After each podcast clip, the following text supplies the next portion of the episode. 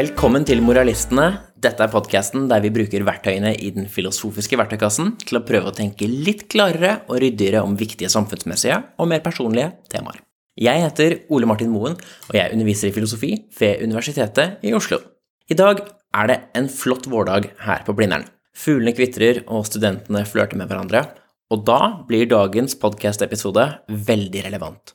For i denne episoden, nummer tolv, så snakker vi om metoo. Både om sakene i den norske samfunnsdebatten, og om litt større og mer filosofiske temaer, slik som kjønnsroller, makt, seksualitet og kommunikasjon.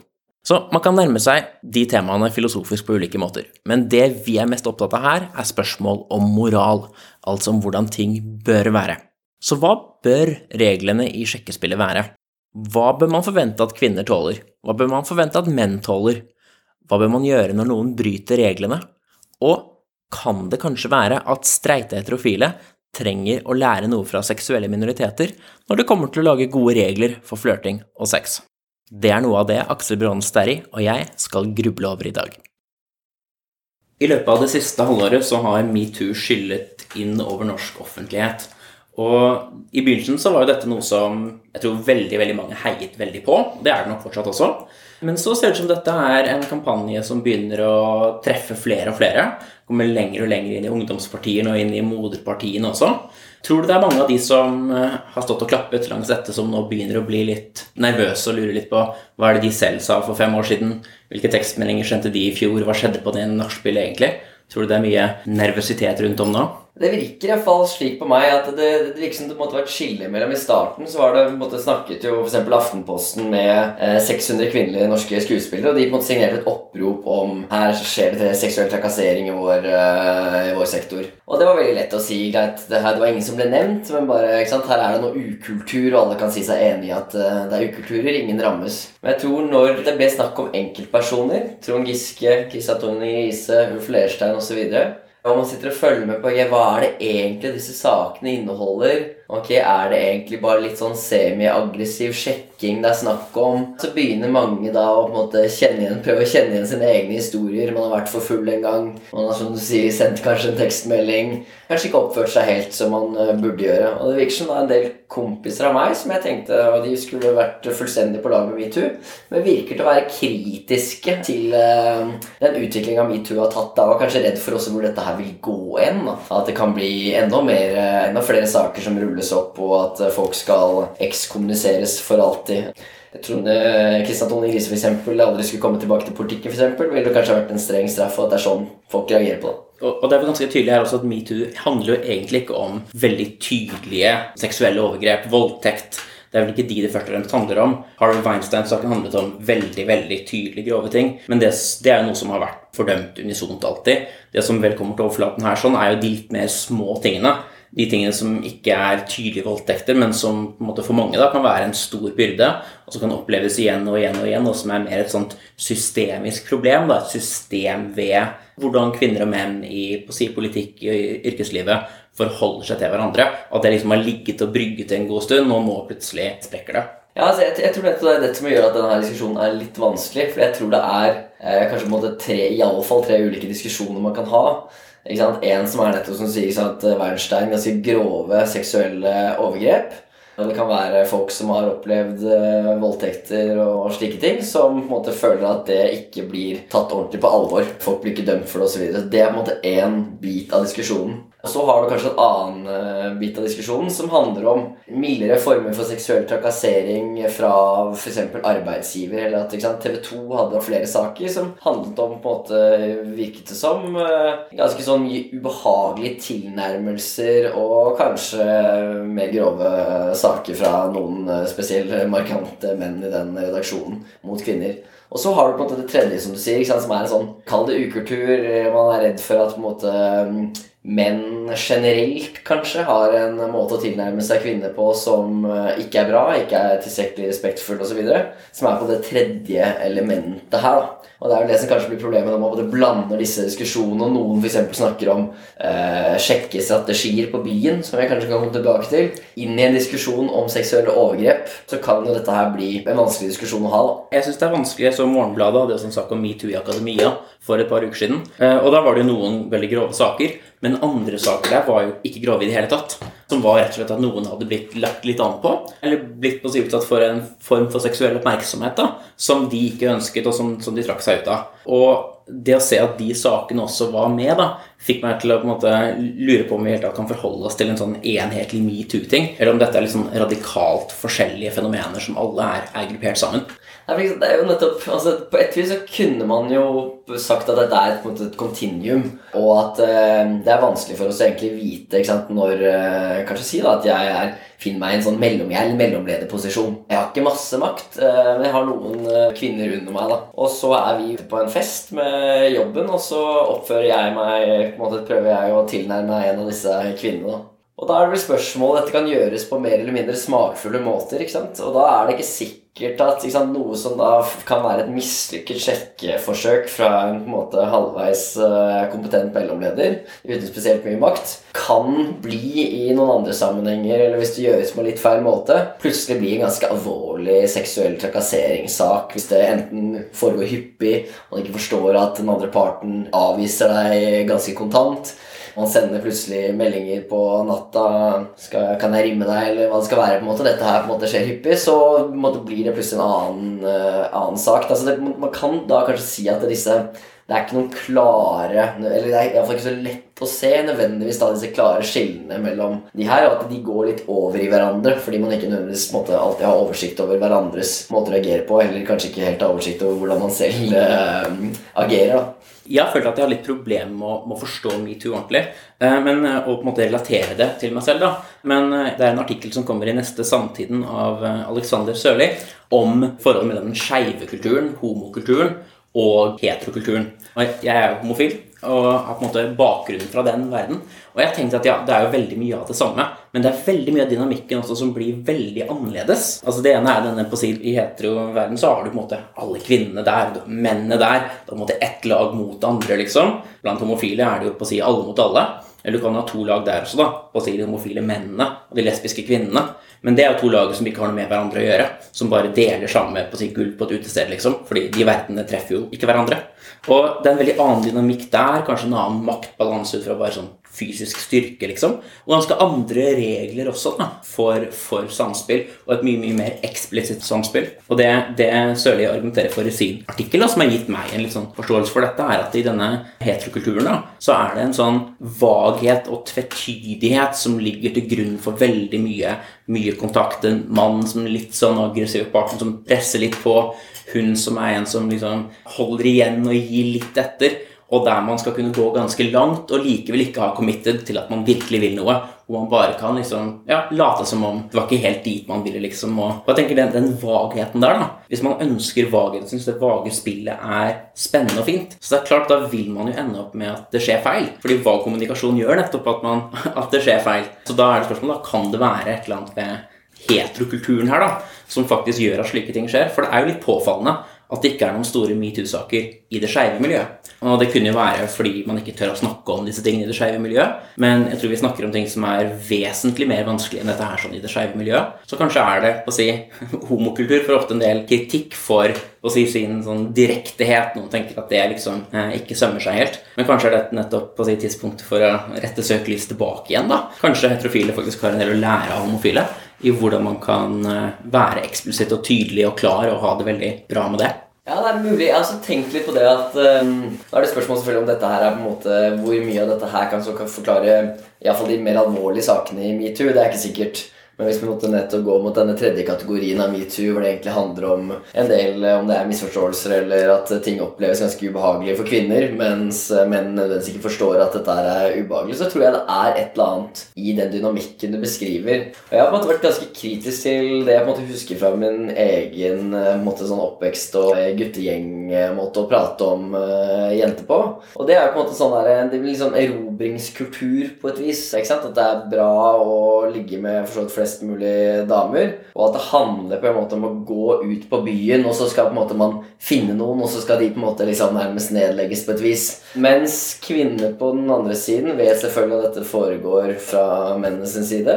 Og skal for, på en måte, kanskje for å beskytte også sitt eget rykte, så selv om de på en måte skulle ønske kanskje å være med på et eller annet, så må de på en måte alltid ikke sant, de må ha en sånn forhandling overfor venninnene sine, forhandling overfor den andre parten, og hva man sier på en måte om hva man egentlig har lyst til. Så det er veldig mye sånn den dynamikken som gjør det veldig, veldig vanskelig, syns jeg, er den derre at mannen nettopp skal på en måte etterspør et eller annet, eh, skal på en måte presse på litt. Mm. Grann. Hun sier nei. Nei, nei, altså jeg kan ikke, nei, jeg vil ikke være med på det. Og så på en måte er det et spill hvor man presser på og presser på og presser på. Og så etter hvert så på en måte sies det jo ok, da, jeg blir med likevel. Og hvis det er på en måte måten uh, unge menn og kvinner uh, lærer seg at denne dansen mellom kjønnene skal foregå på byen, f.eks., så høres dette veldig usunt ut. Uh, og jeg tror det er veldig usunt. Så hvis man da ikke på en måte har veldig gode sosiale antenner for denne på en måte dansen mellom disse kjønnene, så kan man jo lett se for seg at mye går gærent. Ja, hun sa jo nei hele tiden. Og det er jo det man snakker om. Man snakker om at man skal ha sånne klare på en måte, samtykkekriterier. Ikke sant? Hun må ha sagt ja. Da tror jeg veldig mange menn tenker hm, jeg kan jo huske tilbake ganger jeg har ligget med noen hvor hun sa nei kanskje 20 ganger den kvelden, og sa egentlig aldri ja, men det var helt klart fra hennes kroppsspråk til slutt at hun likevel var helt med. Og uh, man kan jo håpe at uh, kanskje i noen av de tilfellene så har det faktisk vært ting som ikke har vært bra, men jeg tror virkelig at de aller, aller fleste tilfellene her så har det nettopp blitt gitt et samtykke som ikke er eksplisitt. Hvis du hadde på en måte hatt en at du kunne på en måte transkribert da, hele samtalen mellom disse kjønnene, så kunne det vært sånn Herregud, her har det skjedd noe skikkelig ille. Fordi det aldri ble sagt klart at jo, jo, dette her er faktisk noe jeg har lyst til å gjøre. Da. Ja, og hvis, hvis kvinner da må ofte signalisere at de vil mindre enn de kanskje egentlig vil, da så, så, så, skjønner jeg at da må man jo sende ut mange nei der, liksom. Men hvis det man ønsker, da, er å sende ut noen litt vage nei, men på en måte bli overbevist og dratt med likevel, da, da er man jo nettopp litt med da, på et, det som egentlig er et litt farlig spill. Og da kan man jo tenke seg at jeg skulle ønske at han likevel tok meg med hjem, liksom, at vi hadde sex. Men hvis han ikke var kjekk nok og prøvde det, så er det en metoo-skandale. Og det er jo, gjør dette spillet ekstremt vanskelig. Eh, så jeg tenker hvis parten går med på denne, denne uklarheten, da, så er det nettopp et, et spill hvor man forventer, forventer, en viss risiko. da. Ja, altså, jeg tror iallfall altså, Det som også kan være en uh, greie som er på en måte litt ille her, er jo at det er akkurat som vi forventer på et vis tror jeg da, at vi forventer også at folk skal på en måte vurdere sin egen attraktivitet opp mot vår, og deres egen sjanse, og at det dermed egentlig kan nesten være litt uhøflig hvis noen som da er sier at det er en ikke veldig attraktiv og ikke så spesielt sosialt kompetent, og kanskje ikke så har så høy status av en mann, prøver en ganske um, straight forward sjekkestrategi mot en uh, mye penere kvinne. Så vil hun oppleve det ubehagelig, og ikke da bare ubehagelig for uh, han denne mannen tar opp tiden hennes, men også at det er litt sånn nesten en fornærmelse. Og det tror jeg ikke nødvendigvis Det kan gå begge veier, tror jeg. At det ikke der er det bare At en del menn også kan tenke hm, Prøvde du virkelig Tror du jeg på en måte hadde blitt med på dette her? Eh, du ser jo absolutt ikke så bra ut som det jeg gjør. Så der kan også være en fornærmelse som, eh, som skjer til deg. Det er jo veldig rart da, tenk at det er en fornærmelse. Det er et kompliment, egentlig. da. Og det at noen må skjønne at de på en måte er så langt unna min liga at de ikke engang kan spørre, det er et forferdelig slemt system. da. Men på en måte jeg vil jo skjønne altså hvis, hvis kvinner er i den situasjonen at de på en måte er overøst med tilbud hele tiden. Eh, klart det er plagsomt. Og i alle fall hvis en del av de tilbudene er av en slik type at hvis man sier nei, så fortsetter de. Og klart hvis mange kvinner sier nei og ønsker likevel fortsettelse, så det er klart da inviterer man jo på en måte litt til det, som gruppe eller som kollektiv. Men det er klart da blir det jo veldig veldig slitsomt hvis et nei ikke kan tas for et nei, og man får forespørsler igjen og igjen og igjen. Og her tror jeg jo kanskje at Jeg tror det er helt sikkert tilfelle at en del menn undervurderer hvor stor den byrden da kan være for en del kvinner. For klart, Man ser jo bare sin egen del av dette, og man ser henne, og jeg vil legge an på henne, liksom. Og hun er kanskje litt unnvikende, og så går man litt mer på. Og så tenker man ja, men det må man jo tåle. Og Tror du det? Tror du menn på en måte undervurderer hvor tungt det kan være? da, i hvert fall for mange hvor... Ja, absolutt. Og jeg tror Det skal være litt vanskelig. altså Kjæresten min er jo, jeg liker jo å gå ut og danse. Og Hun forteller jo at det hun syns er ganske problematisk, er jo sånn at hun er ute med en venninnegjeng, og de vil bare ha det gøy. Og, og Det er ikke så mange steder nødvendigvis det er eh, bra å gå ut og danse, så det er noen steder du må finne, finne det. da.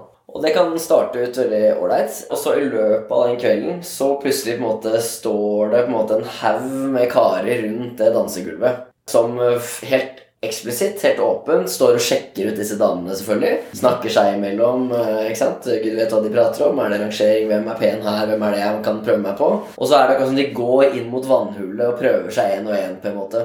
Og gjerne ikke sant, kommer bak og på en måte legger hendene på hoftene til de damene som står i midten der og danser. Prøver å på en måte styre hoftene. Eventuelt måte ha andre måter de Eller bare generelt går og holder rundt dem og prøver å danse med dem. eller et eller annet sånt. Problemet igjen kanskje mangel på en måte helt eksplisitt kommunikasjon. Altså De er ikke sånn kommer opp og sier 'Jo, hei, du, mitt navn er Anders, og jeg vil gjerne på en måte eh, Kan jeg få en dans med deg?' Det er en sånn eh, kommer inn på siden og gjerne bakfra og, og sånn.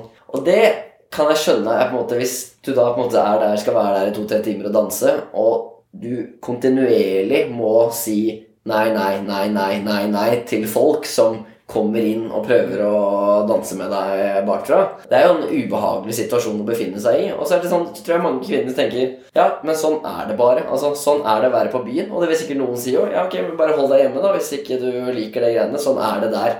Men det virker på en måte for meg som en ganske sånn utilfredsstillende svar på det spørsmålet, eller den, eh, den problemet. For man kunne jo tenke seg da at man prøvde å lage en bedre en måte, samhandling mellom kjønnene på, det, på ulike utesteder i, i byen. At greit, nei, du må tross alt være mer høflig og mer eksplisitt hvis du skal være mann i den situasjonen.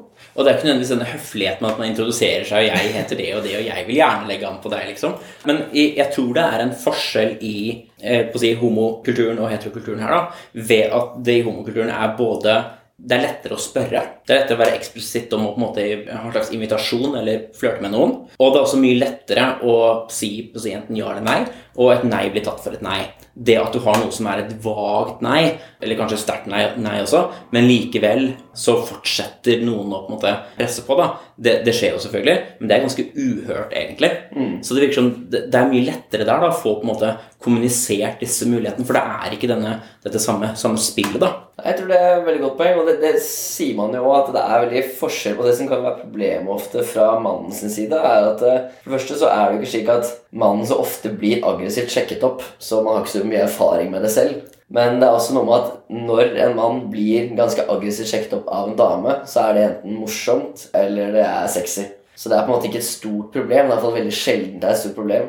Og man har jo da noen studier som tyder på at liksom, menn Det er ikke bare det at man måte tolker dette annerledes. Det er ikke slik at menn og kvinner opplever ganske aggressiv seksuell eh, sjekking på ulike måter. Men det er også slik at de tror at det andre kjønnet opplever det mye nærmere seg selv. eller det slik man selv opplever det. Så da er det slik at mange menn da, ikke sant, som da syns at det ikke er noe problem å bli aggressivt sjekket opp på byen, når de da selv aggressivt sjekker opp noen, så tenker de ok, dette syns de damene sikkert er utrolig behagelig. Dette er jo bare nettopp et kompliment, eller hva det skal være. Mens kvinner syns ofte da, kan synes ofte at dette her er ubehagelig. Det er vanskelig å si nei, man har ikke lyst til å lage en scene. Men de tror også at menn syns det er mye mer ubehagelig å bli eh, aggressivt sjekket opp enn det menn syns. Så det ser ut til å være på en måte sånn eh, generell sånn misoppfatning eh, mellom kjønnene her på hvor ille disse tingene egentlig er. da. Ja, her kunne det vært gøy da å lage et lite eksperiment, da, der man spør menn ok, hva er det man må tåle når man blir sjekket opp av en mann. liksom? Hvor pågående er det greit å være? Er det greit å på en måte ta på noen uten samtykke litt, liksom? Er det greit å komme litt inntil? Er det, er det greit at det kommer flere samtidig? Det er klart, De vil også si at det finnes en del grenser, liksom. Men det kunne vært gøy å finne ut okay, hva er det disse mennene da mener at den som blir sjekket opp, må tåle. Eh, Og så kunne man på en måte skrevet ned disse tingene. Og så kunne man jo flyttet disse mennene til en litt sånn heftig lærhomseklubb. da, Med masse store lærhomser rundt dem som var veldig interessert i dem, og som ville sjekke opp dem, og som kom bort til dem hele tiden og begynte å ta på dem og ikke tok et nei for et nei. Og på en måte trengte seg litt på ofte flere av gangen, ikke sant, som er sånn 1,95 høye, liksom, og kommer der med ja, lærklærne gnikkende inntil, liksom. Hvor komfortabel hadde man da vært? Ville man vært villig til å lage de samme Til å tenke at det var de samme reglene som skulle gjelde? Og det vil kanskje være en situasjon der heterofile menn da vil kunne kjenne litt på hvordan heterofile kvinner noen ganger kan ha det på byen. Og, og jeg syns jo at idet man skal lage regler, da, hvis man skal prøve å ta dette upartiske perspektivet, så burde jo heterofile menn på byen tenke at de reglene for sjekking som gjelder, er også regler som de ville gå med på hvis de var på en homseklubb med masse store lærerhomser. Jeg tror det er et, det er et veldig godt uh, bilde. Og det er, det, der, sant? det er den utrolig som man kanskje misforstår eller ikke ser helt fra mannens side, er nettopp den store måte, forskjellen altså, mellom en mann og en kvinne. Både i størrelse ikke sant? Så ikke sant? Si at det nettopp da var Si jeg er 1,80 høy, da, og så er det plutselig kommer det en eh, fyr på to meter som er en stor, muskuløs eh, fyr, da. Hvis det egentlig da er den relative forskjellen potensielt mellom meg og en da kvinne på et utested, så er det klart at det på en måte kan være utrolig truende da, hvis jeg da ikke nettopp uh, forstår hennes signaler og slike ting. Og jeg tror da mange kvinner også har en At det ligger i at Dette er en sånn evolusjonær forklaring. at uh, Kvinner skal være utrolig nøye på hvem som ender med å få ligge med dem. ikke sant? Ender de med å bli, bli gravid med feil fyr, så er det en potensiell katastrofe.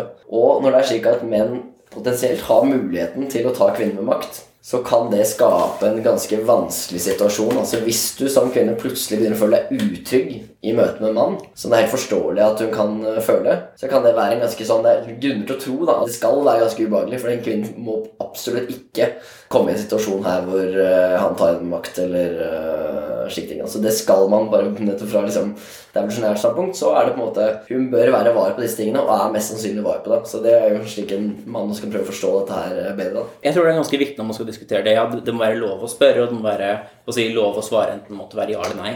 Da tenker jeg at Litt av bakgrunnen for altså det å kunne spørre på en ansvarlig måte da, er jo å spørre på en måte der man er bevisst den makten man selv har. da. Det måtte være at man er fysisk stor, eventuelt at man står i en eller annen form for maktrelasjon. da. Så jeg tenker at Skal man spørre noen om, om noe, invitasjon til sex f.eks., så bør man jo finne ut ok, føler de at de kan si både ja og nei uten at uh, deres på å si, liv eller helse eller deres karriere står på spill. liksom. Så Det er kanskje et ansvar man kan ha tilbake. da, Å kunne si at ok, jeg, jeg vil gjerne gjøre det. Det hadde vært fint. Hvis du sier nei, så går det helt fint. Jeg respekterer det. Og da, da går jeg av gårde, liksom. Og det har ingen uh, følger videre, liksom. Og kanskje det er det som Det kan hende, da, at disse gode, litt, litt altså bedre reglene, som jeg tenker at de er det i, i, i homomiljøet, har vokst frem nettopp fordi folk er litt mer på like fot. sånn sett da. Og det har kanskje muliggjort denne type samspill mer, da, der det er, det er greiere å spørre fordi det er greiere å svare. Mm. Det er ikke så farlig å si ja nei, og da pålegger du egentlig ikke en byrde så mye ved å spørre. Og da er det ikke så uhøflig å spørre heller. Så da kan man bare mer sånn sjekke ut alle, alle mulighetene og, og, møtes, da. Så det er spørsmålet hva er det er, er, det noe man kan gjøre med kulturen der, da?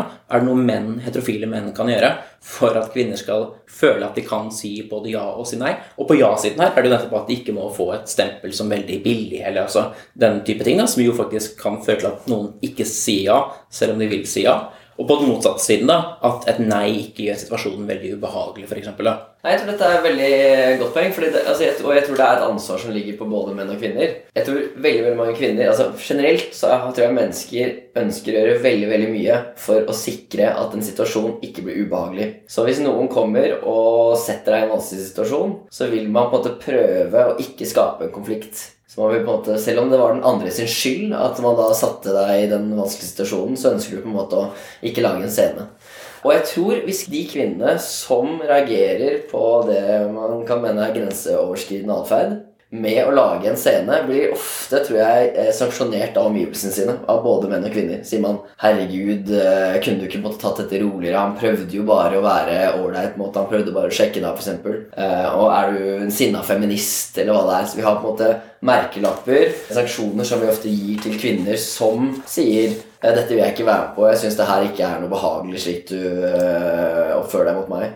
Og jeg tror altså at det er ganske mye som må gjøres der, uh, og dessverre må gjøres da av mange kvinner. At du må si fra når du finner en situasjon ubehagelig, og du må si det helt eksplisitt. For jeg tror mange opplever ikke sant, igjen tilbake til altså Mange opplever på en måte mannens atferd som at det er ment nærmest for å være trakasserende, eller det er ment for å være på en måte som dominerende eller et eller annet slikt, eller ydmykende. For eksempel ta en mann som slår en kvinne på rumpa uh, uten at de kjenner hverandre, så vil kvinnen oppleve det ydmykende og dominerende. Men det er ikke sikkert at det var ment uh, dominerende eller ydmykende. Det var ikke ment som en maktdemonstrasjon. Det var ment som en veldig klønete seksuell uh, tilnærmelse. Og det å da si fra helt eksplisitt i de eh, tilfellene med det er dritvanskelig å lage en scene. Men da må man vite også, tror jeg, Det er, på en måte, det ansvaret til de som er rundt. At de må også helt klart støtte opp om den parten som lager en scene i den situasjonen. For det, Ellers så vil man ikke gjøre det, for da er det for måte mye man tar på seg. da. Men det man også må spørre seg da, hvis man skal prøve å lære mer, enda mer av skeiv kultur, da, og kanskje en si, skeiv kink-kultur, da, BDSM-kultur, der har man jo nettopp eh, Det er interessant hvordan mainstream kan lære av de tingene som er på en slags fringe her. da. Eh, for du sa ja, da må man kunne si nei og for lage en scene. Men da er spørsmålet burde man da prøve å utvikle måter hvor man kan si nei uten å lage en scene. Det er jo det safe words f.eks. er.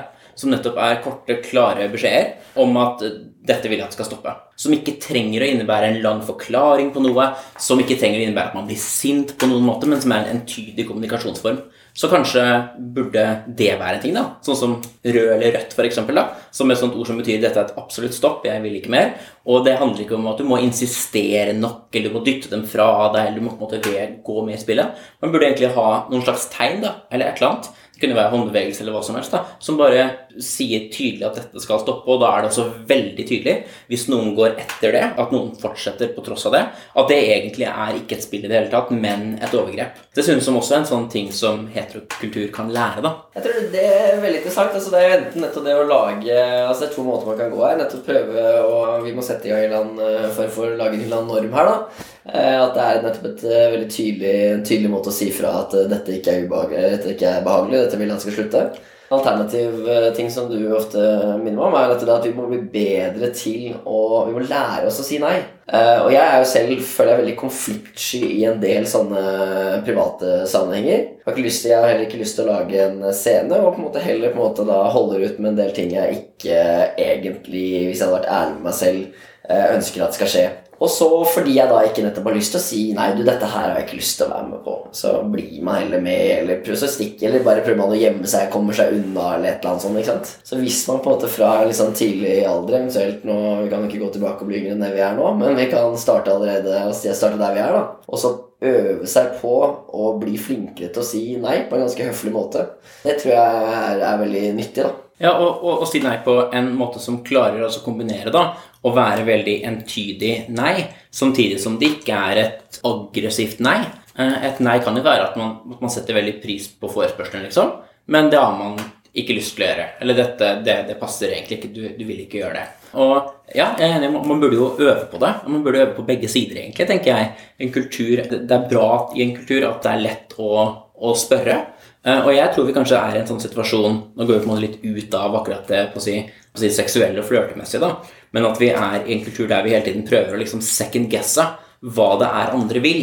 Eh, og så kan vi spørre om noe bare hvis vi er ganske overbevist om at de vil det samme.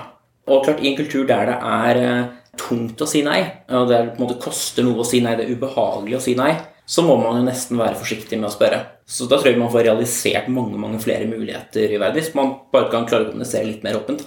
Om at jeg kunne tenke meg å gjøre det eller det eller det, eller skal vi gjøre noe slik, liksom. Og den andre parten kan kommunisere mye mer åpent hva de vil. Det ser ut til å er på en måte kan tenke liksom to spillmetaforer her, da. Klart Hvis man skal på en måte vinne et spill mot noen andre, så må man spille med veldig lukkede kort og ikke helt si hva man vil. liksom. Man må, man må spille veldig klart. Men hvis det man skal gjøre, er å samarbeide med en motpart, altså det, det skal vi se hva er det vi kan få til sammen, da, så er det bedre å spille med åpne kort. For da kan du helt klart mye lettere se hvilke kombinasjoner som finnes. da. Så kanskje vi rett og slett har noen sånne gamle normer da, for samspill, som liksom har evolvert en litt sånn gammel æreskultur som vi fortsatt har, da, der ting er ganske farlige, der du må holde på alliansene dine, ellers så har du ikke et sted å bo og får ikke mat på bordet, liksom. Så kanskje vi rett og slett på en måte bare har holdt på sånne veldig gammeldagse måter å tenke på da, i den verden vi er nå, hvor vi er mye mer uavhengige av hverandre, mye tryggere, har et sosialdemokrati som tar vare på oss i, i verste fall, liksom så kan vi på en måte være mye mer åpne og direkte. da, Og som en del av det da, lære å spørre om det man har lyst til, og lære å si både ja og nei. Og i en slags innføringsfase, da, idet man, man spør noen om noe. Og understreke at du kan svare enten ja eller nei på dette her sånn. Det betyr ikke at jeg kommer til å prøve å fryse deg ut av vennegjengen eller ikke hjelpe deg senere.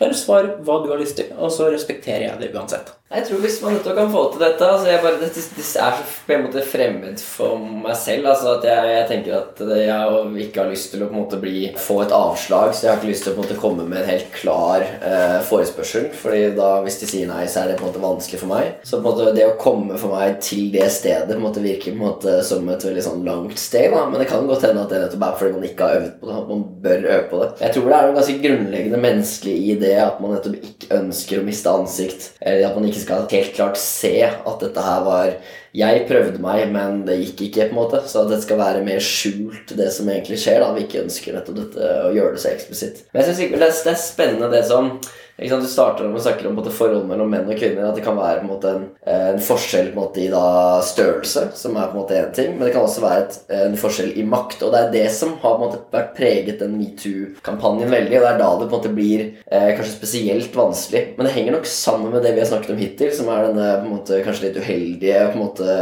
sjekkekulturen eller på en måte samhandling mellom kjønnene. Men når den går over i en f.eks. i et politisk parti Det har vært mye snakk om Trond Giske spesielt det hvordan skal noen som er på en måte Om si det er en, de er en superstjerne i et parti, eventuelt de har veldig veldig mye makt da, til å åpne dører, lukke dører Når de, enten om de prøver seg på seksuelle tilnærmelser som ellers alle ville tenkt vært helt greit Hvis han sier Trond Giske kommer inn på en fest, det er en 22 eh, år gammel eh, jente på den festen, så mm, tenker de fleste at det er, bør være på en måte hvis ikke det er noen maktforskjeller mellom de to, ting foregår høflig og alt er fint, så er dette her en helt grei ting. Det er ingen som vil si ok, han er en gammel fyr, hun er 22, da er dette umoralsk eller galt på noe som helst måte. Folk vil kanskje synes det er ubehagelig, men liksom, det mener man er greit. da. Men det vanskelige blir nettopp når denne personen er en døråpner eller en dørlokker, og når man da på en måte eh, sier 'hei, jeg, har, jeg er interessert i å ha sex med deg i dag', så er det ikke lenger Det handler ikke lenger bare om sex.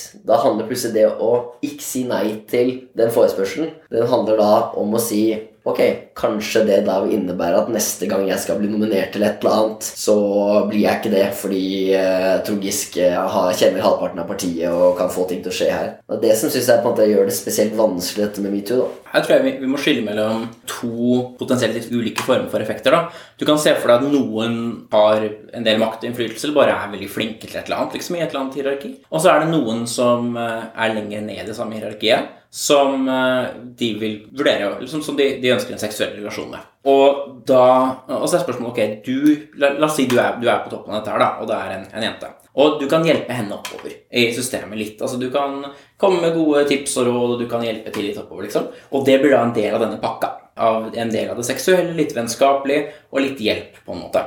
Og kan man tenke at det er en hjelp som du kunne velge å enten gi eller ikke gi. Det er ikke noen plikt til å gi denne hjelpen uansett men det er noe man kan gi. Og da spørsmålet er det da greit at det er en del av en sånn seksuell pakke. Og det, det synes jo å være greit for deg. Det kan det jo være hvis du er på dette systemet, eller langt oppe i systemet. Uh, og så kan man se det fra hennes perspektiv. da. Så synes også dette, dette er jo da en mulighet til å kunne ha en annen vei oppover i systemet. På en måte kan man si Det er en urettferdighet for henne og for alle de andre kvinnene som ikke hadde muligheten til det. Så her er det et gode på begge sider. Men da tenker jeg at her er det egentlig to ting da, som er, kanskje er, er, det viktige.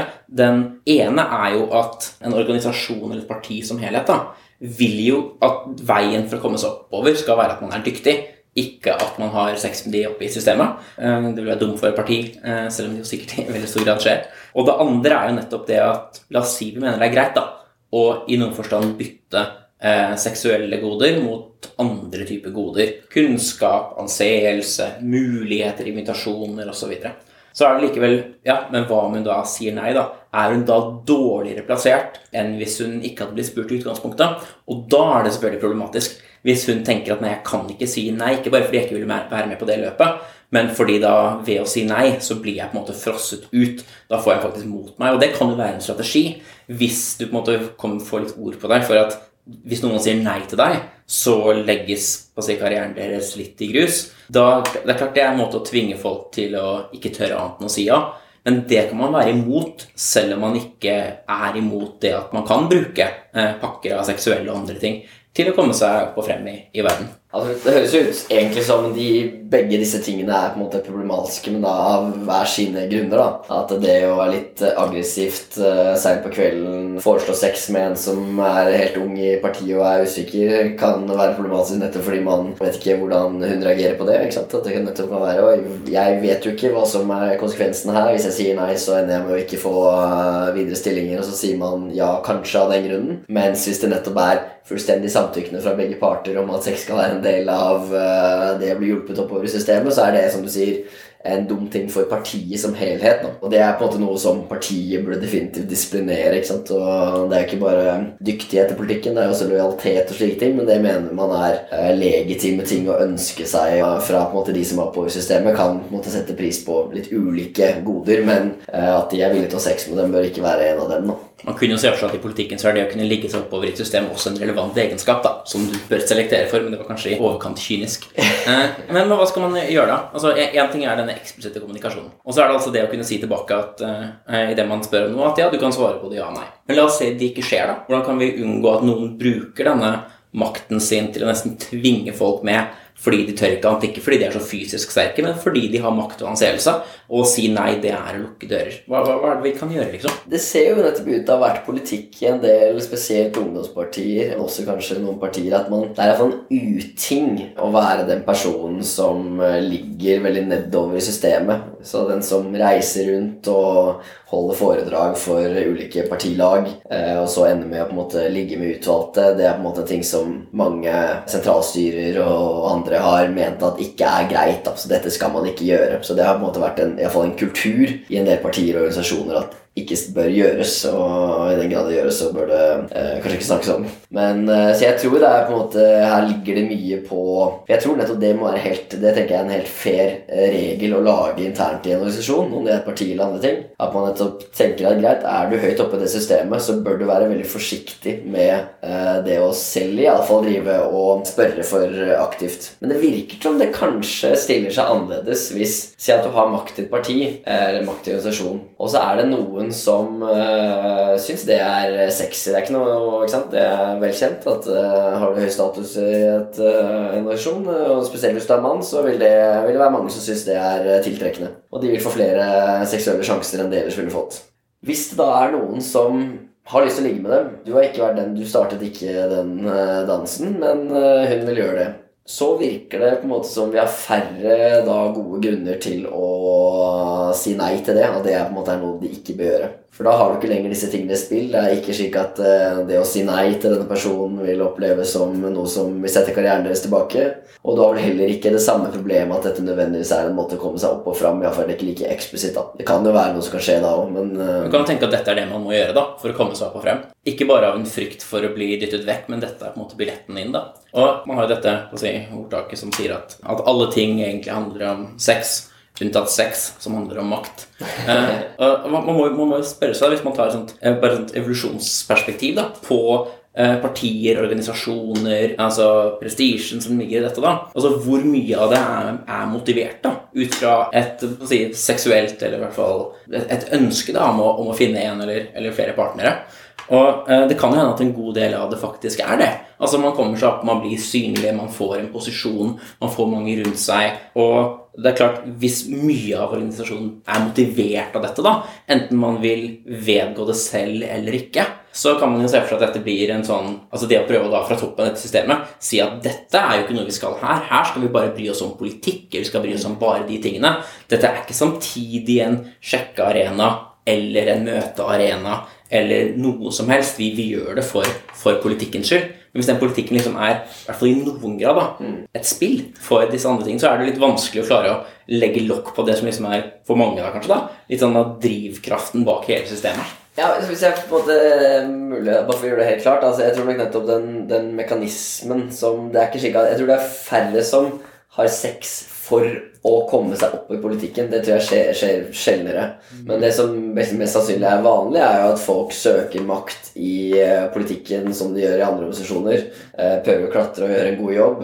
Iallfall delvis for å på en måte gjøre seg attraktiv som uh, seksuell partner for noen. så det er på en måte mye av den underbevisste eller grunnleggende drivkraften for at de gjør det de gjør. Det er det ikke noe tvil om. Så hvis det nettopp skulle være på en måte slik at man holdt det tilbake, så kunne man si at det var et uh, disinsentiv for å stå hardt på å jobbe og komme på møter og slike ting. For uh, det er på en måte seksuell belønning som er det vi egentlig søker. Men i og med at dette her skjer såpass du kan se på det litt annerledes. For jeg tror sant, det vi, vi, har en direkte en måte, følelse av det vi trenger, er på en måte å klatre i et system. Vi ønsker måte, å bli sett, og vi ønsker å bli anerkjent, og vi ønsker å på en måte, få makt. Men det er ikke slik at Og det vanligvis så gir det oss også tilgang på sex. Men det er ikke slik at vi nødvendigvis trenger å lokkes eksplisitt med sex. Så du kan godt tenke, tenke ha en uh, organisasjon som sier her er det ikke lov til å ha sex mellom medlemmene. Det er noe vi ikke gjør. Altså Her har vi en uh, streng organisasjon hvor uh, dere får finne det andre på andre andre arenaer. Så tror jeg ikke det nødvendigvis vil på en måte svekke verken innsatsen eller eh, kanskje for så tiltrekningen av noen som kommer utenfra, muligens. Men ikke sikkert det heller, siden dette ikke egentlig er noe som på en måte eh, går gjennom hodet vårt når vi vurderer hva vi skal gjøre. Altså, man må jo skille en som da, man gjør da i sosiologien og biologien også gjennom på sitt proksimate og ultimate mål og motivasjoner. Det kan jo være at man, liksom, man tenker ikke at man skal, at man skal liksom, ja, ligge seg oppover i et parti eller i en organisasjon, men det kan likevel være at ja, man liker de menn som er der, da, som har makt, som har posisjon, som er sosialt flinke. Altså, som, og det, det, er klart, det er jo ikke som du sa, det er jo ikke tilfeldig at man i så fall liker det. Og det å finne ok, hva, hva skal man gjøre med livet da? Skal man melde seg inn i et parti? Skal man i en annen organisasjon? Skal man prøve å klatre litt der? Det er jo ikke et spørsmål som gjøres av grunner eh, som er helt atskilt fra de andre grunnene som man har i så er dette et sted å møte interessante mennesker. Og Hvis du hadde hatt en organisasjon da, som sa at nei, det er ingen, ikke bare ikke en sex, det er ingen dating, men noen andre som er i denne organisasjonen, da, dette er ikke et sted hvor vi kan gjøre slike ting, så ser jeg for meg at det er en organisasjon hvor en god del av denne kraften og initiativet da, ville ha blitt borte. Ja, jeg tror det kan hende at det ikke hadde vært mulig. Altså, det hadde ikke vært mulig å håndheve det hele tatt. Altså, for folk vil ikke altså, Det er vel mer slik at hvis du er i en verden, og det er på en måte det politiske partiet er på en måte der du lever livet ditt, Eh, så vil du nødvendigvis finne kjærligheten der òg. Altså, det er iallfall veldig høy sannsynlighet for det. Jeg synes det var påfallende når disse her eh, debattene om metoo eh, pågikk, så kommer på en måte disse ungdomspartirepresentantene i radioen og snakker. Og da sier de selvfølgelig dette med metoo er jo en uting, og det var jo definitivt på en måte langt over grensa det mange gjorde, spesielt Christian Tone Grise. Men det interessante er jo at mange av disse her, eller iallfall jeg tror det var sånn tre jenter eller noe sånt, som fortalte ja, ja, jeg har en kjæreste, jeg har en kjæreste som er i ungdomspartiet politikken, jeg òg. Og han eh, var eh, sentralstyremedlem eh, før jeg ble det. på en måte Så disse fant jo på en måte kjærestene sine i politikken. Ikke rart. på en måte Og ofte da er jo mannen også høyere opp i systemet enn det kvinnen er i første rekke. Så jeg tror rett i det at det her er, det er på en måte umulig å tenke seg Eller i veldig veldig vanskelig å tenke seg at vi kommer vekk fra det. At man i politiske partier, organisasjoner, bedrifter, hva det skal være, at det ikke vil være seksuell omgang og kjæresteforhold osv. som dannes på arbeidsplassen eller på, i det politiske partiet, det kommer til å skje. Og det er vel det som gjør dette utrolig vanskelig. For det gjør jo at disse metoo-problematikkene ikke kommer til å forsvinne. Jeg synes det er også gøy Hvis man først skal legge, anlegge litt sånn kyniske perspektiver på det, da, så er det gøy å se på reaksjonene på metoo litt på samme måte også. At man må tenke ok, hvordan er det man, man som en heterofil mann da må reagere på metoo? Hva er det man kan si om metoo for at dette skal være en akseptabel måte å signalisere hva man, hva man selv synes? Her tror jeg menn må trå ganske forsiktig og være litt sjokkert over at menn kunne gjøre dette her. Og dette hadde man jo ikke trodd. Hadde man visst dette, så hadde man jo sagt nei til vennene for lenge siden. Så det er jo gøy å prøve å se den reaksjonen også da, som en del av dette hierarkiet. Og dette får meg til å tenke på et sånt, sånn enda et litt annet si, homoperspektiv på dette her. da. Og det er jo det at jeg, jeg må jo lure på om det at jeg har kunnet være ganske åpen om hva jeg mener om ting og si en del eller upopulære meninger og slikt. da. Det har kanskje blitt mye lettere, da, fordi, eller en god del lettere fordi jeg er homofil. For jeg er ikke en del av det spillet der alt må på en måte gears inn mot å sende riktige signaler nettopp for å kunne få en partner, for å kunne ha sex osv. Og når de tingene der frikobles, da, så har jo ikke det noe å si hva man sier, og eventuelt hvordan man er på dette datingmarkedet. Det, det er kanskje en, si, et homoperspektiv på det som kan vise at homofile faktisk har en god del mer frihet. da, Fordi man slipper hele tiden veie ordene sine. Og da kan man jo kanskje fremstå som ganske modig, da, for man kan tenke oi, han er med dette spillet, men, men, men tør, tør, å si dette likevel, liksom. Men da er det deilig bare å være et helt annet spill hvor man ikke tar en risiko i det hele tatt ved å si det. Nei, jeg tror du har rett. altså Jeg merker det, for jeg er jo ofte sleivete når jeg prater og kan støte folk. Og jeg er ikke ofte, det er ikke så ofte jeg tenker på Nå må jeg virkelig tenke på hvordan jeg formulerer meg, og at vi får dette riktig. Eh, men jeg mener at jeg tenker mer det når vi diskuterer metoo. Og det er litt sånn rart på et vis eh, når jeg ikke kjenner på det i mange andre situasjoner som på en måte er like ømtålige. Om det er på en måte at noen med psykisk utviklingshemming blir eh, såra av det man sier, eller at man snakker om transseksualitet og man bruker litt feil begreper, så er det litt sånn Ja, det må man tåle, på en måte. Altså, man kan ikke greie å på en måte snakke så alle blir Alle syns dette er ålreit. Mens i diskusjonen om metoo så er det litt mer sånn Ok, nå må vi ikke gå for langt inn i denne første diskusjonen som handler om makt, eller handler om på en måte dårlig sjekkestrategi, for metoo handler jo om så mye mer. Ja. Det er viktig, selv om nå har vi diskutert det mye, at det er på en måte nettopp en veldig stor følelse eller Jeg synes det er veldig viktig at vi nettopp kommer inn på disse tingene som eh, viser at vi tar dette på alvor. Så det kan godt hende at det forklares på en måte av altså, min ønske om å Altså kan du ikke si at det må kvinner tåle, f.eks. Det er ikke et kort man lett kan spille. Da må du være ganske forsiktig og klar på hva man sier. Fordi det, ja, er, er det en sånn ting som man må være forsiktig med? Jeg kjenner meg igjen altså, i beskrivelsen. Det gjør jeg. Men jeg ser jo også nettopp uh, mange kamerater av meg som er mye mer klare på at de nettopp uh, tar på en ofte mannens side. Da, ikke sant? Og det kan også være diskusjoner om um, ikke sant? Dette Metoo-problematikken har jo også gått inn i spørsmål om ikke sant? Skal dette bli sånn selvjustissystem? Ikke sant? Kan man, er det slik at vi skal nå, basert på varslinger eller rykter, påstander om at noen har Eh, utsatt noen for eh, seksuell trakassering. Eh, det har ikke gått gjennom en formell prosess, det har ikke vært gjennom en rettssak. Vi vet ikke om dette her egentlig stemmer. Men så skal folk miste jobben sin, eller, eller at de skal utstøttes fra et, en sosial gruppe for alltid. Eller for en lang tid. da. Så er det på en måte spørsmålet der går vi for langt. Og da syns jeg det synes jeg definitivt er en utrolig viktig problemstilling. Som Det er helt åpenbart ingen tvil om at vi mennesker når vi først ser at her er det noen som har vært slemme, så ligger det ikke i vår natur å vise veldig sånn eh, besinnelse i den situasjonen og tenke nei, nei, okay, vi må tilgi. Det vi ofte gjør, da, er hvis vi mener at noen virkelig har gjort noe slemt, siden noen har seksuelt trakassert noen, så kan vi slå drithardt ned på det og tenke de skal aldri tilgis. Men vi har på en måte laget et system som sørger for at folk behandles eh, fair når de har vært eh, ferdig med sonedommen, så skal de tilgis osv. Og, så og det har vi ikke nødvendigvis eh, hvis vi begynner å løfte disse sakene opp i media. Eventuelt eh, folk bare Det er selvjustis innad i egne organisasjoner. Men jeg syns ikke det har vært problemet i Norge. I Norge har det tvert imot vært et annet problem, tenker jeg. Som er, ikke sant, Ta f.eks. Trond Giske-saken. Han måtte riktignok gå av som nestleder.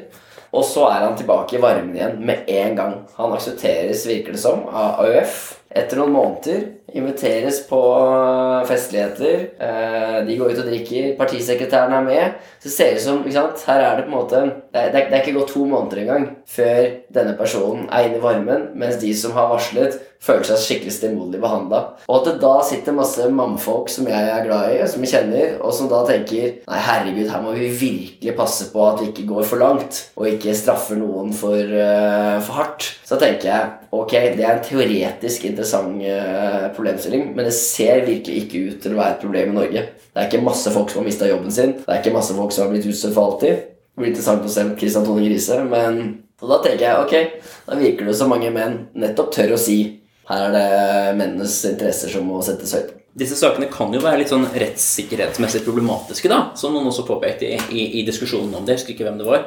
Så er det jo slik at de mest alvorlige tingene kan jo bli politianmeldt. Og da vil de ofte kunne behandles ganske pent av media. Ting forblir anonymisert. Og eh, i hvert fall hvis det ikke kan felles en dom, da, så blir det aldri noe mer. Eh, mens tingene som er mye mye vagere og mer ryktebasert og blir en diskusjon, de kan slås veldig opp. Og man skulle tenke at det er de mest alvorlige tingene man vil slå veldig opp, og de minst alvorlige man ikke vil slå opp. Så kan det være her da, at, man, at dette blir en litt sånn heksejakt i noen tilfeller. da, Og kanskje også til og med et maktmiddel som kan brukes. da, Altså, Hvis du trenger å bli kvitt en konkurrent, liksom, det å få en metoo-kampanje mot vedkommende, er jo veldig bra. Og da er spørsmålet kan vi klare da, å ha noen sånne sånn rettssikkerhetsmekanismer inne her da, for å hindre at dette går helt over styr? Ja, jeg synes Det er veldig interessant. Altså, det, er jo, altså, det er jo som du sier, det er et veldig paradoks akkurat det. Sant? Vi har noen veldig gode systemer på plass. Pressen har gode systemer på plass. Eh, samfunnet har gode systemer på plass for nettopp å ta de mest alvorlige anklagene.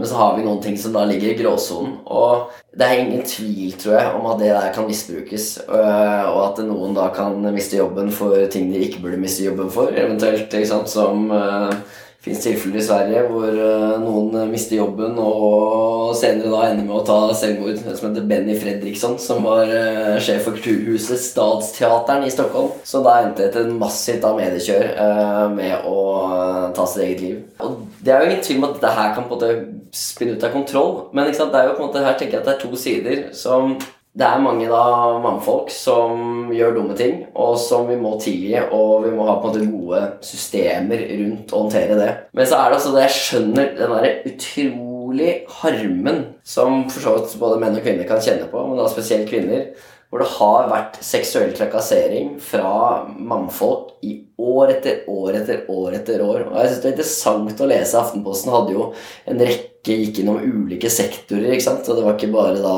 der det starta i teatersektoren. ikke sant? Det var ballett, og det var øh, Men også i legeyrket og andre yrker. da. Hvor på en måte sant, kvinner har varslet om de samme mannfolka og har fått beskjed hver gang om at uh, nei, eh, det er, altså, dette må på en måte, vi må bare håndtere dette her. Han jobber jo her, tross alt. Det er han som er litt rar, men vi får ikke gjort noe med dette her. Så det er på en måte sånn, det, det kan definitivt gå feil ved at folk eh, blir kasta ut fra jobber uten en god prosess.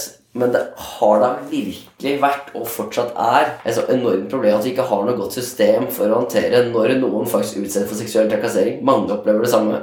At ikke disse folka her får en eller annen form for respons, at det ikke er noe sanksjonering, at det ikke er de som flyttes. Det er på en måte det offeret som ender med å måtte ta den konsekvensen. Det syns jeg er uh, urimelig. og det, så det, måte, vi, Hvis vi først da skal gå inn her og tenke, prøve å lage nye, gode prosesser i uh, bedrifter, organisasjoner og slike ting, så må man på en måte huske at ikke det bare er den ene siden at vi skal ha gode rettssikkerhetsprosesser for den som er uh, overgriperen, men også at ofrene virkelig på en måte får en bedre behandling enn det de har gjort allerede. Jeg lurer på litt om noe av problemet i hvert fall der da, kan være at man Fordi sex er såpass tabubelagt, da, så er det ikke tør man varsle, tør man varsle videre. Man er kanskje ikke minst redd for at ting skal gå helt ut av proporsjoner hvis det blir varslet. Det er et av problemene med å slå veldig hardt ned på metoo-saker. er jo at det kan være at folk som kanskje har et eller annet de ikke syns var behagelig, men de vil jo ikke ødelegge karrieren til vedkommende. Så derfor er de, er de redde for å si noe i det hele tatt. For det er jo mange typer si, sosialt ubehag det kan være. Det kan bare være noen er ikke sosialt flinke i det hele tatt. Det kan være at de har andre vaner som ikke er spesielt gode. Det er mange mange ting, da. Men det synes som i det dette på en måte er seksuelt, da, mm. så virker det som det på en måte klarer å gå mye mye lengre da, ofte enn hva det klarer å gjøre i andre felt. Og det må jo ha noe med enten kommunikasjonssvikt å gjøre, eller at man, man er redd for å ta dette opp. da, Enten med andre eller med vedkommende selv, og at idet det først blir tatt opp, da, så er det veldig sånn krisepreget og veldig steile fronter og eh, en sånn ja, ja, krisestemning da, som det kanskje ikke hadde trengt å være da, hvis man kunne kommunisert veldig klart og tydelig at det der er faktisk ikke greit. Kan vi ikke gjøre det, det oppleve det vedkommende som ubehagelig, liksom? Dette må vi, må vi, passe på at det ikke skjer mer. Ja, jeg vil egentlig tro Jeg syns jo det er interessant når det kommer for til disse spørsmål om både voldtekts liksom, Hvor harde skal straffene være for voldtekt, f.eks.? Så har man jo på en måte Stortinget hele tiden på en måte trappet opp de straffene for å gjøre de strengere. Noe som ikke nødvendigvis Nesten for å på en måte Siden det er utrolig få eh, anklager om voldtekt som faktisk blir dømt i, eh, i jussen. Og det virker som en dårlig løsning. Eh, da kan det ende med at på en måte, dommere tenker ja, ja, dette var jo på en måte en, um, litt vanskelig sak. De så ut til å være ikke sant? to unge folk. Eh, den ene er anklaget for voldtekt, den andre sier nei, jeg, har ikke, mente ikke noe om dette her. Og det å dømme noen til tre års fengsel, så virker det altfor strengt, og så ender de med å ikke gjøre det i det.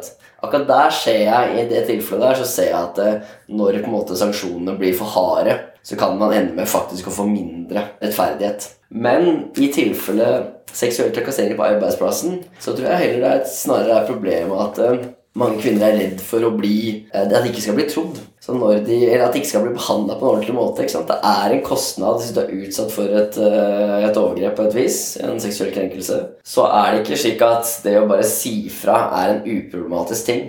Det er en utrolig kostnadskrevende greie. Du på en måte må gjennom på en måte en ny skade. Du må ta på deg en ny kostnad ved å på en måte si 'denne personen gjorde det mot meg', og så må du bevise det inn i et system. Og det tror jeg de færreste ikke de vil, de, vil ikke gå gjennom hvis ikke de er sikre på at det blir behandla på en skikkelig skikkelig god måte, og at det er også fortsatt en sannsynlighet for at det enten hjelper noen andre, siden dette her da, ikke sant, og du gjør det ikke bare på vegne av deg selv, men du gjør det på vegne av andre i, i bedriften eller i partiet ditt. Men det er også det må på en måte da være en viss sannsynlighet for at den personen som har gjort overgrepet, blir tatt. Og det tror jeg er da på en måte utrolig viktig at uh, man blir flinkere til det. For hvis ikke så gidder man ikke å si fra, og da er det heller ingen som får gjort noe med de problemene. da. Hvis det problemet man selv hadde med vedkommende, er over, man har kanskje satt ganske tydelige grenser for vedkommende, så vedkommende gjør det ikke igjen. Så ok, hva har du da å vinne på å rapportere dette videre? Mm. Du kan jo potensielt, så hvis vedkommende har mye makt, risikere at han eller hun for så vidt da, som du skal melde, virkelig setter en kampanje tilbake mot deg. Og du har likevel ikke så veldig mye selv å tjene på det heller. Så da må man kanskje prøve å gjøre det lettere da, å varsle og si, lettere å Men samtidig, da. Det er veldig vanskelig å gjøre å si at ja, man kan jo ikke tro på alle anklager som kommer heller. Nei. Eh, så da er det jo det er det spørsmål om hvordan man kan klare å sile disse tingene her, da. Og jeg tror ikke det finnes noen sånn veldig tydelig og enkel løsning på det, men jeg er ganske sikker likevel på at det er dette mørke, tvetydige, eh, skumle som folk tenker på rundt ting som har med seksualitet å gjøre, da, gjør at dette her sånn blir veldig vanskelig å snakke om, da.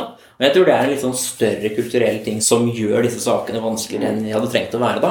Og det har med si, skolesystemet og seksualundervisning på skolen, som jo er veldig dårlig på disse tingene. Det handler i naturfag om sant, hva de ulike kjønnsorganene heter, og de ulike kjønnssykdommene heter. Og i KRLE så handler det om at homofili er greit. Og du får liksom ikke noe opplæring da i å sette grenser og kommunisere klart og, og, si hva du vil. Det tror du ikke, sant? Det som, at det, det, som virker å være den store forskjellen her altså Helt åpenbart så er det vanskelig å snakke om sex. Bare det, er, det gjør at dette er, uh, gjør det tricky. Men det virker for meg som en veldig klar ting at hvis du slår meg i ansiktet nå, så går jeg til sjefen så sier jeg jeg ble slått i ansiktet av Ole Martin. Så sier ikke hun er du sikker på at du ikke ville det. Nei, jeg er ganske sikker på at jeg ikke blir slått i ansiktet. på en måte, Det, det ville vært rart. Mens derimot, hvis det er slik at uh, jeg sier Ole Martin eh, seksuelt eh, krenket meg. Vi sto sammen, prata sammen, og han eh, tok meg på steder som ikke jeg ønsket han skulle gjøre. Så er det litt sånn Ok, men det, altså, det kan jo være i teorien noe du var villig til å være med på. Altså, Dette her skjer jo mellom mennesker hele tiden. Så det er det, som, det er det jeg tror er det som er den store forskjellen her. At seksuell omgang mellom uh, menn og kvinner, eller menn og menn, eller kvinner og kvinner eller, ikke sant? Det uh, skjer jo hele tiden og er ofte en fin ting. Og så det da å si 'Dette likte jeg ikke. Dette ville jeg ikke', det er ikke så lett å tro på utenfra. Fordi we don't know. Det kan hende at du egentlig ønsker dette, mens alle andre overgrep som foregår, de er det helt klart at du ikke ønsker. Han stjal sykkelen min. Ja, så nei, nei, gjør du sikker på det? på en måte? Er du sikker på at ikke hun bare lånt den bort? Nei, altså, han stakk av med sykkelen min. på det, det er ikke greit. I, I, flere hundre år nå så er det, jo, er det jo dere heterofile som har regulert oss homofiles liksom sexliv. Så jeg, jeg, jeg, lurer på om det er på tide å på måte snu det litt rundt. da, Og at det nesten er, er homofile som på å si, burde gripe fatt og ta ansvar i den saken her da, og prøve å, å regulere litt tilbake ved å nettopp kunne bruke noen av de tingene om menn. Det å tørre å spørre og tørre å si ja og nei. Gjør det klart at man kan si både ja og nei uten at det er farlig. Og ikke minst, da, å ikke henge seg opp i disse veldig små tingene også. Det er klart Hvis si, enhver form for flørting man ikke ønsket, og som kanskje krevde et litt tydeligere nei enn du skulle ønske å gi før det tok slutt, hvis alt det blir rapportert inn som slike metoo-saker, da, så vil jo systemet bare knekke under byrden av anklager som egentlig ikke er noe. Og jeg må også si da, for at dette, Vi snakket litt tidligere om dette. ja, Hva må man tåle? Eh, og der er også homoperspektivet kanskje litt relevant. da. Eh, jeg husker jo Da jeg var liksom 18-19 år og hang på noen homosteder her i Oslo, så er det jo veldig mye av det som skjer der i løpet av en kveld, som er mye grovere egentlig enn mange av de tingene som kom frem i denne Morgenbladet-saken. da. Det er noen som tar på en, det er noen som sant, legger veldig tydelig an på en, uh, som Du har mange tydelig seksualisering idet det går over et dansegulv, så kan det være masse hender som glir gjennom eh, over buksa. Som, altså det kan være mange mange slike ting da, som skjer. Og eh, jeg tenker hvis, man, hvis enhver slik ting da, skal en liten ting det er klart Dette er jo da en, sant, en, en, et utelivssted og slik også, så det er klart der blir det, der er en, en arena hvor det er litt andre regler. Men kanskje en Jeg tenker at hvis man lar de små tingene ligge litt, og man fokuserer litt mer om, om man klarer å avslutte dem da, ved å kunne si tydelig nei, og ikke lage en scene men bare kunne si at nei, det vil jeg ikke, nå skal du stoppe. Om man kunne fått til det spillet der, så har man på en måte mer si, ressurser igjen da, til å kunne håndtere de mer grove sakene. Som det jo selvfølgelig er kjempeviktig at, at vi får håndtert. Ja, altså, Spørsmålet er jo da ikke sant, om det som kan være mangelen på, på en måte, som gjør at det er vanskelig for homofile å regulere det heterofile samlivet her, er at det nettopp kanskje grunnen til at dette her går inn på en homoklubb, er fordi det bare er menn som nettopp syns relativt aggressiv seksuell atferd er om ikke fullstendig ubehagelig, så er det på en måte Det er greit. på en måte, Det er ikke kjempetruende. Mm. Mens hvis det er slik, da, som vi var inne på i stad, at uh, kvinner opplever dette her på en helt annen måte, og det ligger så dypt festet i deres natur at det er vanskelig å tenke seg at det skal kunne bli annerledes, så vil vi ikke nødvendigvis greie å komme til dit at vi alle på en måte lever i en stor homseklubb. på en måte. Nei, Vi må få med lesbene på laget også, da, som er med på dette homolaget som skal designe litt. Eh, og det er klart Dette er jo en, en fleip, egentlig, da, men jeg tror faktisk at man ofte kan lære litt da, av å se på hvordan minoritetskulturer løser en del problemer. For da har man ofte måttet bygge opp ting litt på nytt. Mm. Og det kan selvfølgelig være veldig vanskelig og skummelt, det også. Men det kan også gjøre at man klarer å løse problemer på, på måter som man måte har kjørt seg litt mer fast da, mm. i en stor majoritetskultur hvor det er mye vanskeligere å å si, være en social engineer da, og gjøre, gjøre, ting på nytt og på andre måter. Og jeg er veldig happy for den måten dette stort sett funker på i det skeive miljøet. Mm. Det, er, det, er, et miljø som jeg tenker sånn at det seksuelt faktisk er forhandlingsmessig og forholdsmessig er ganske, er ganske sunt. Jeg tror det er inne på et eller annet som, som også er veldig veldig vanskelig eh, i denne Ikke spesielt i metoo-debatten, men egentlig generelt sånn når det kommer til sånn voldtekt og, og sånne ting også, så er det ofte, blir det en diskusjon som er Hva er det man skal pålegge offeret? Eller hva er det man skal pålegge det potensielle offeret? Og det virker jo på en måte som for det som jeg hører litt bak når du sier at vi må bli litt mer som At vi må lære litt mer av det homofile miljøet, så er det at eh, kvinner som opplever en del seksuelle framstøt som ubehagelig, de må på en måte komme over det litt og ta det og bli flinkere til å si ordentlig nei og sånne ting. Og det er nok veldig mye riktig i det. Men også jeg merker bare at det er et eller annet i meg som reagerer på det. For det, sånn, det høres som en sånn blame the victim-greie. så det er offeret av noe som er ubehagelig, som må på en måte gjøre noe mer for å unngå at dette skal uh, bli ubehagelig. Og det tror jeg på en måte er det samme problemet da har nettopp når det kommer sånne velmenende lensmenn i forbindelse med russetida som sier sånn Ja, altså vi prøver selvfølgelig å gjøre vårt for å sørge for at ikke noen blir voldtatt her, men uh, bra om kvinner tar på seg sånn sykkelshorts under uh, russebuksa for å unngå på en måte voldtekt, og ikke gå gjennom Slottsparken om natta, eller ikke gå mm. alene hjem. Og alt dette er gode råd og ting som man definitivt bør ta til seg og sikkert prøve. Uh, men det er et eller annet med når det blir sagt fra noen som kommer fra spesielt kanskje noen som burde gjort mer, politiet. Dere må håndtere dette på en annen måte. Og de gir inntrykk av at eh, det er da kvinnen som bør drikke mindre eller eh, gå mindre alene, som må håndtere dette her, som hun allerede håndterer. Hun tenker allerede på at ja, det er en fare for at jeg blir voldtatt, men likevel, jeg må kunne bevege meg rundt nattestid. Så er det på en måte et eller annet her som er utrolig krevende og vanskelig å diskutere. Da. Ja, altså, men, men da spørsmålet, hva er det kvinner sånn sett kan gjøre, da? Og vil du si at ja, dette er, dette er løsningen på det? Det vil selvfølgelig, selvfølgelig, være galt. Men jeg tror kvinners måte å håndtere disse sakene og flørting og sjekking på også, er en del av det. Og jeg tror kanskje hovedbiten av det er dette nettopp ønsket om denne tvetydigheten da, og denne uklarheten, og at man altså hvis man, hvis man har som policy at man sier nei litt, men man likevel mener ja, og man går med på det, og det er greit, da signaliserer man ut at et nei betyr ikke nødvendigvis et nei.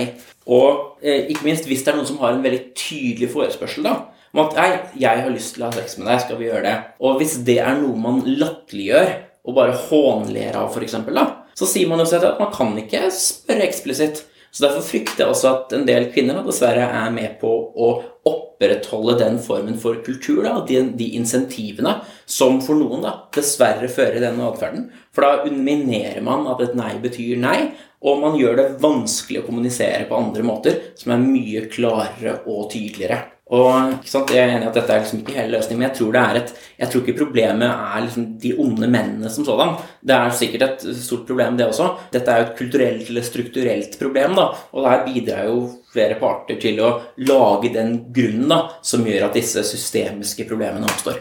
Jeg er enig i det. Kan, det var en så stor eh, bevegelse, en sjekkebevegelse, som uh, fikk sitt utspring, eller iallfall fikk sin kanskje fremste eh, eksempel i The Game, som var dette med beskrivelse av på en måte sjekkearenaen mellom menn og kvinner, hvor det var en del såkalte pickup artists blant menn som trente på det å sjekke opp kvinner på byen. Og det er jo fordi kvinner, iallfall i den arenaen, men også egentlig mer generelt, er de som får velge, mens sant? det er de som på sier nei, nei til deg, og så ja til én. Og det tror jeg mange menn syns er en utrolig angstfylt ting å drive med. Og det som da ble svaret for disse pickup-artistene, eh, var jo da å tilby kurs til håpløse menn.